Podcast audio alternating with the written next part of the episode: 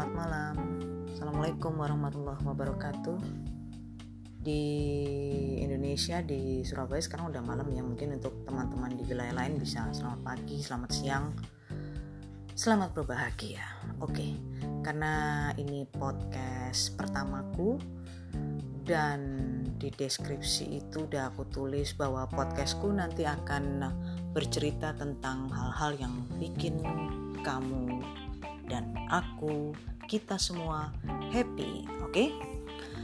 um, mungkin buat sebagian dari kamu mungkin nganggep topik pertamaku ini mungkin terlalu berat ya tapi sebenarnya uh, topik yang mau aku bahas ini adalah topik yang belakangan mungkin ya beberapa tahun terakhir ini jadi uh, trending banget uh, tentu saja seiring dengan meningkatnya kepedulian masyarakat tentang kelestarian lingkungan apalagi kalau bukan plastik. Masih ingat nggak guys sama video yang pernah rame tuh waktu itu di dunia maya tuh tentang seekor penyu yang sulit bernafas itu loh. Karena hidungnya itu kesumbet sedotan plastik masih inget nggak? Kan video itu sempet viral banget tuh ya.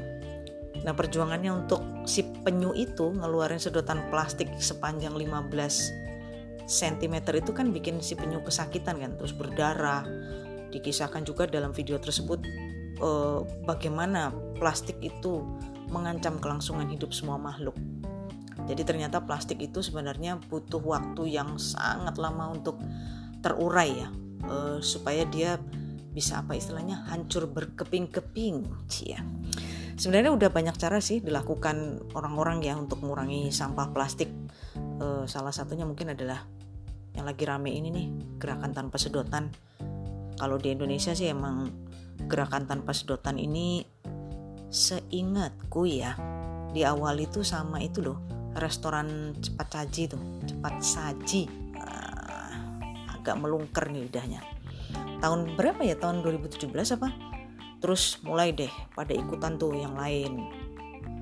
Rame juga kan? Akhirnya setelah itu kan di Twitter, di Instagram, terus supaya lebih rame lagi untuk lebih mengelompokkan isu tentang uh, supaya kita nggak supaya kita berhenti pakai sedotan plastik itu kan terus rame ada tagar hashtag itu loh no straw movement. Nah ingat nggak? Itu kan uh, sebenarnya hashtag itu kan digunakan sebagai bentuk dukungan pada gerakan tanpa sedotan kan ya. Di Instagram aja waktu aku ngadain penelitian itu ya tahun berapa ya lupa. Itu udah ada 2500an gitu deh yang pakai hashtag no straw movement itu. Ya emang ada sih uh, yang mendukung. Namun ya gitu deh. Ada juga yang kayaknya sebagian orang tuh masih ragu gitu ya. Ini serius nggak sih? Pada beneran ini? Ada gerakan tanpa sedotan? Kalau yang mendukung itu sih emang menganggap ini sih kalau pengurangan pakai sedotan itu dianggap bisa mengurangi jumlah sampah plastik di muka bumi kan. Kalau yang ragu itu kayaknya mereka masih mempertanyakan gitu. Di samping ini bener nggak sih gerakan ini? Maksudnya gini loh, ragunya tuh kok yang dikurangi cuman sedotan sih? Terus kamu nggak pernah mikir gitu kayak tempat itu loh, tempatnya saus, sambel, terus kalau sekarang kan restoran-restoran pada males tuh nyuci sendok sama gelas eh, sendok gelas garpu itu kan semua juga kebanyakan dari plastik. Jadi bukan hanya apa namanya bukan cuman sedotan itu kan terus ada juga tutup gelas itu kan gimana gitu. Kenapa kok cuman yang dicermati cuma karena sedotan itu aja kan? Apa karena si penyu itu kebetulan aja hidungnya kesumbet sama sedotan gitu loh kok. Seandainya si penyu itu hidungnya kesumbet sama apa ya sama sendok plastik itu mungkin gerakannya mungkin ini ya tanpa sendok plastik. Tapi judulnya tetap tetap tetap plastik sih. Ya mungkin banyak orang yang tanya kok kok cuma sedotan ya? Aku sih mikirnya gini loh mungkin karena sedotan itu kan bentuknya kecil ya sehingga kalau terus dia kan silinder ya mungkin agak sulit kalau didaur ulang itu. Dan ini juga kayaknya sedotan itu kurang diminati sama itu deh pengais rezeki gitu. Uh, kayak pemulung gitu maaf ya. Kayak pemulung gitu soalnya mm, mungkin mungkin mungkin nih nilai jualnya tuh sangat kecil. Ngumpulin juga lama kan untuk untuk sebanyak itu sedotan itu kan juga lama gitu loh. Waktunya itu tentu aja kan butuh tenaga yang besar lama uh, udah ngumpulin satu jam cuma dapat sedotan segitu kan gitu ya. Coba deh uh, kamu inget-inget deh kalau kita sekarang datang ke kayak kafe-kafe gitu kafe-kafe modern kita kan pasti tuh ya sedotan itu kayak ditaruh di pojokan gitu kan terus kita tinggal ngambil tuh. Nah, sekarang kafe kan malah ada yang kayak boba-boba itu itu ada yang sedotannya gede supaya si bobanya itu bisa masuk. Terus kalau yang sedotan kecil-kecil itu kayak apa ya kafe-kafe yang kopi tapi yang nyajiinnya kopi takeaway yang uh, hot. Jadi kecil itu loh pipih. Dia bisa untuk pengaduk tapi bisa juga buat kita uh, menyeruput minuman itu. Jadi sekarang intinya sedotan itu banyak banget macamnya ukurannya juga banyak. Hmm, sedotan tuh sebenarnya kan uh, apa sebenarnya kayak sedotan sendok plastik itu kan sebenarnya orang bilangnya gini loh praktis. Iya kan? Rata-rata orang kan males sekarang kalau suruh nyuci mau nyuci gelas nyuci piring males kan? Pasti kita pakai plastik. Sebenarnya aku udah nyari-nyari juga sih data mulai kapan sih kita nih kebiasaan minum pakai sedotan itu? Perasaan nenek-nenek kita dulu kakek kita nggak ada yang minum pakai sedotan ya. Kalau kita minum di rumah kan juga kita minum langsung dari gelas gitu loh. Tapi kenapa pada waktu kita jajan nih mamanya di warung atau oh, kedai kopi kok kita nggak nggak ada sedotan tuh kita nanya mas sedotannya mana? Mbak sedotannya mana? Padahal kalau di rumah kan juga nggak pakai sedotan gitu loh. Kayaknya kita jadi langsung terbiasa gitu ya minum dari sedotan. Padahal sebenarnya kalau dari dilihat dari sisi rasa kan nggak ada perbedaannya loh. Kita minum langsung dari gelas sama minum pakai uh, sedotan. Emangnya ada gitu kalau kopi yang diminum langsung dari gelas sama yang pakai sedotan rasanya beda? Perasaan nggak ada deh. Nah ini nih makanya di sini nih menurutku ya persepsi dan perilaku kita tuh sebenarnya sudah dikonstruksi. Jadi budaya minum orang Indonesia yang tadinya minum teh, kopi langsung dari gelas atau cangkir tuh uh, udah berubah gitu loh orang sekarang kan akhirnya jadi lebih suka minum teh atau kopi itu pakai gelas besar dari plastik terus minuman tuh diseruput pelan-pelan pakai sedotan sambil duduk santai-santai di kedai-kedai modern gitu. Sosial sosialita lah ya. Kayaknya sih emang waduh kita tuh ngafe untuk ngerjain suatu proyek besar gitu ya tugas perkuliahan. Padahal kamu sadar nggak sebenarnya kita tuh cuma untuk menikmati apa ya segelas kopi itu akhirnya jadi mahal nggak sadar kan kita sebenarnya?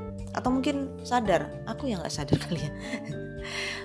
Terus apa gitu loh? Maksudnya kita duduk santai minum kopi kan sama aja sebenarnya. Di rumah juga bisa kan melakukan itu. Ada yang bilang di beda lagi. Kalau di cafe kan kita bisa nongkrong nongkrong gitu kayak ngefresh gitu loh. Maksudnya kadang sekarang cafe kan juga banyak yang instagramable kan. Ya itulah akhirnya.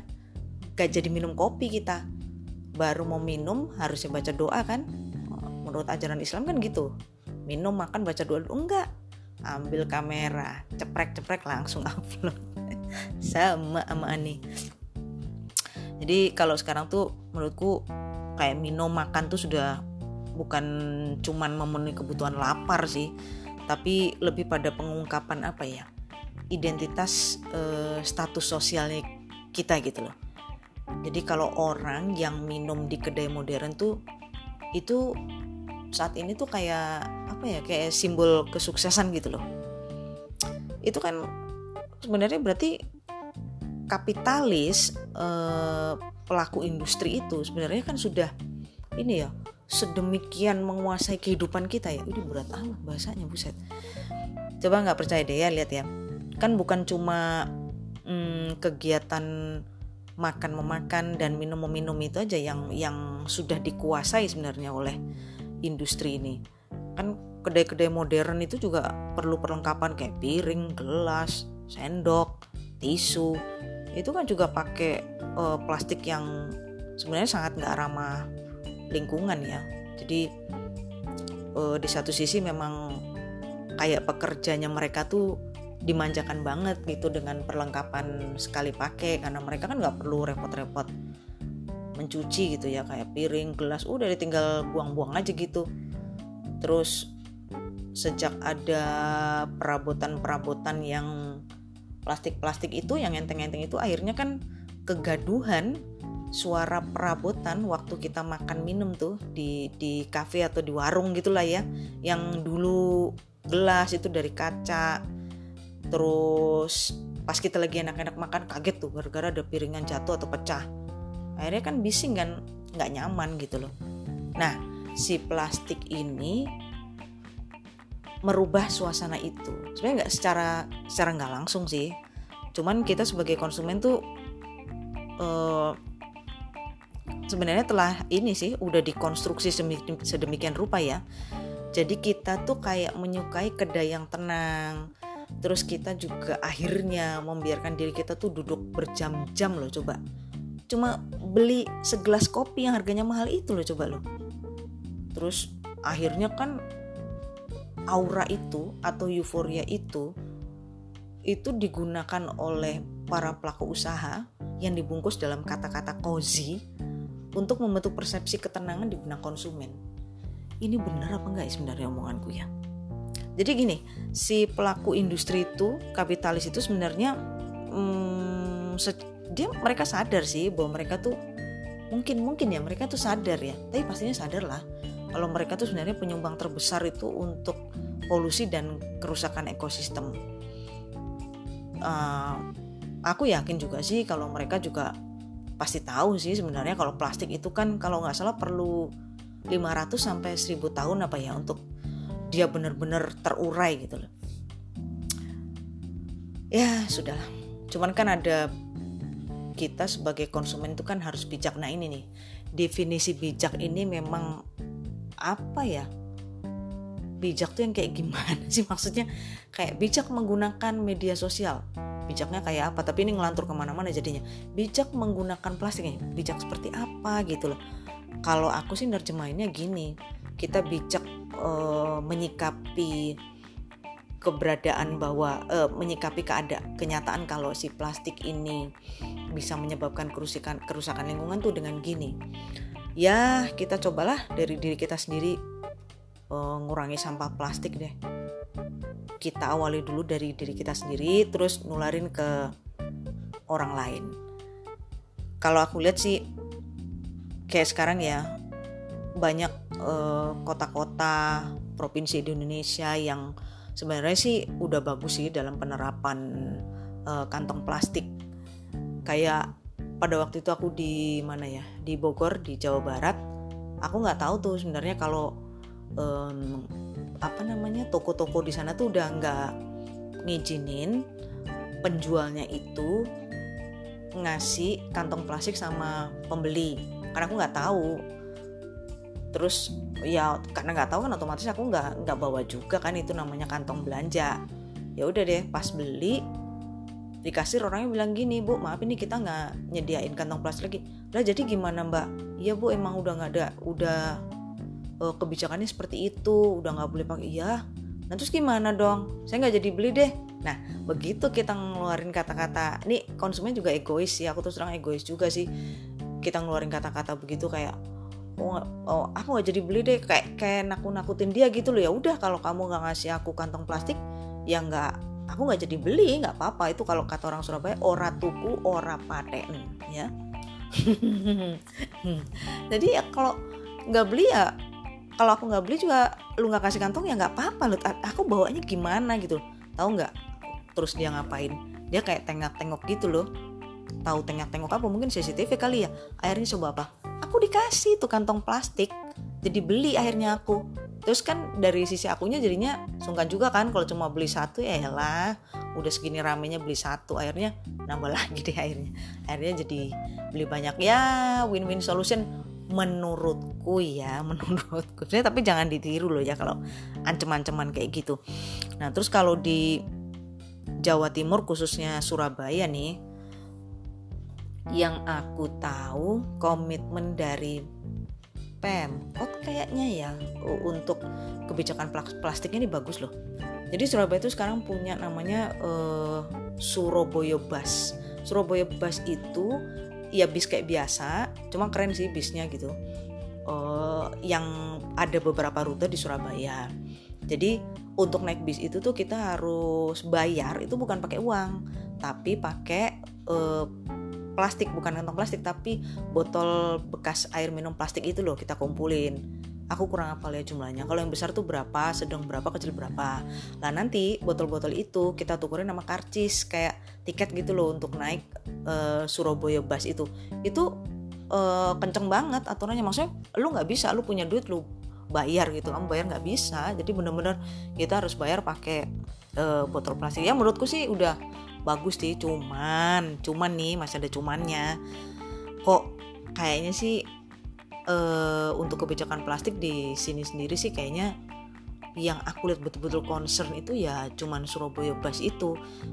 Kalau toko-toko masih tapi pakai plastik berbayar.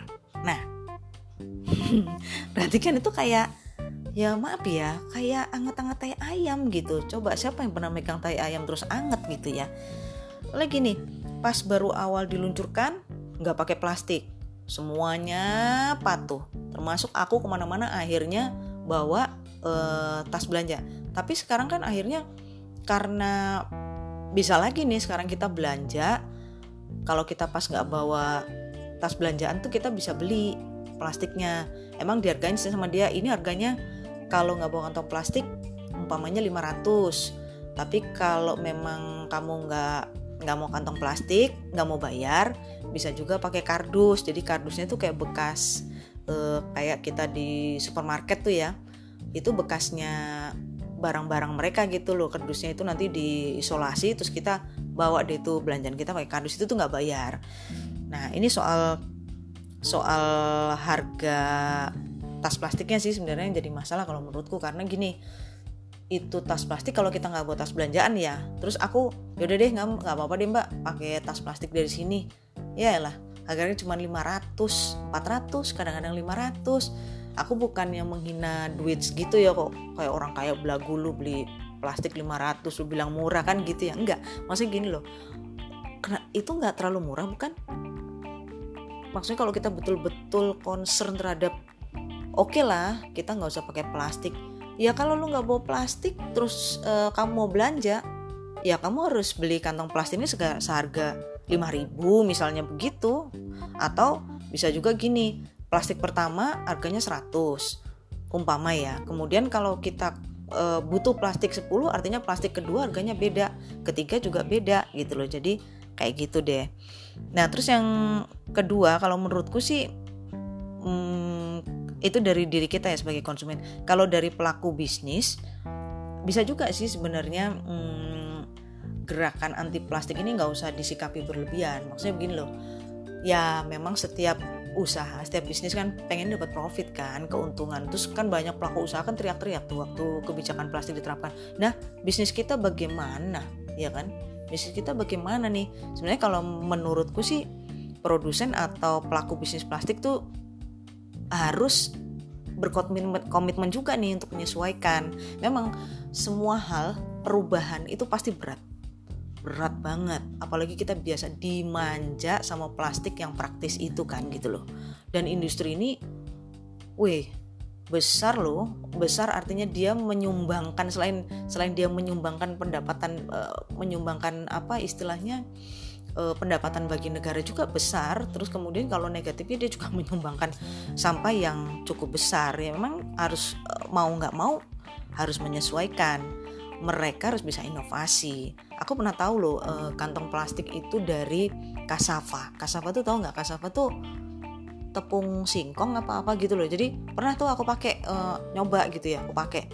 Kayaknya nggak lama besoknya apa apa itu dia udah apa seminggu ya pokoknya dia lam, tambah lama tambah ancur Nah, berarti kan artinya sebenarnya pelaku-pelaku industri ini bisa kok berinovasi uh, justru uh, momentum untuk untuk mengurangi plastik ini bisa dimanfaatkan harusnya sama mereka sih harusnya seperti itu. Ya tapi kan mungkin tiap orang uh, kebijakannya beda-beda ya atau pemikirannya beda-beda. Iya kamu bisa aja ngomong gitu tapi pelaksanaannya kan nggak semudah itu. Mungkin juga bahan bakunya tepung terigu kasava itu sulit atau gimana saya nggak tahu deh. Cuman hmm, aku sih bisa ngasih saran itu aja. Jadi kalau intinya kalau kita ada suatu gerakan perubahan emang perubahan itu berat. Awalnya tuh berat pasti. Karena kita udah biasa di culture yang lama ini tiba-tiba kita disuruh pindah ke uh, kondisi yang barangkali kita baru kenal saat itu. Atau perubahan ini adalah uh, apa namanya perubahan yang merubah bentuk saja ya misalnya dari yang ada menjadi tidak ada atau dari yang sudah ada kemudian diperbarui. Memang perubahan itu sangat berat gitu loh. Apalagi perubahan untuk kita berkomitmen tidak uh, pakai plastik lagi. Kayaknya cukup ya. Capek juga ngomong aus. Udah malam ngobrolnya nggak usah berat-berat. Oke okay, goodbye. Assalamualaikum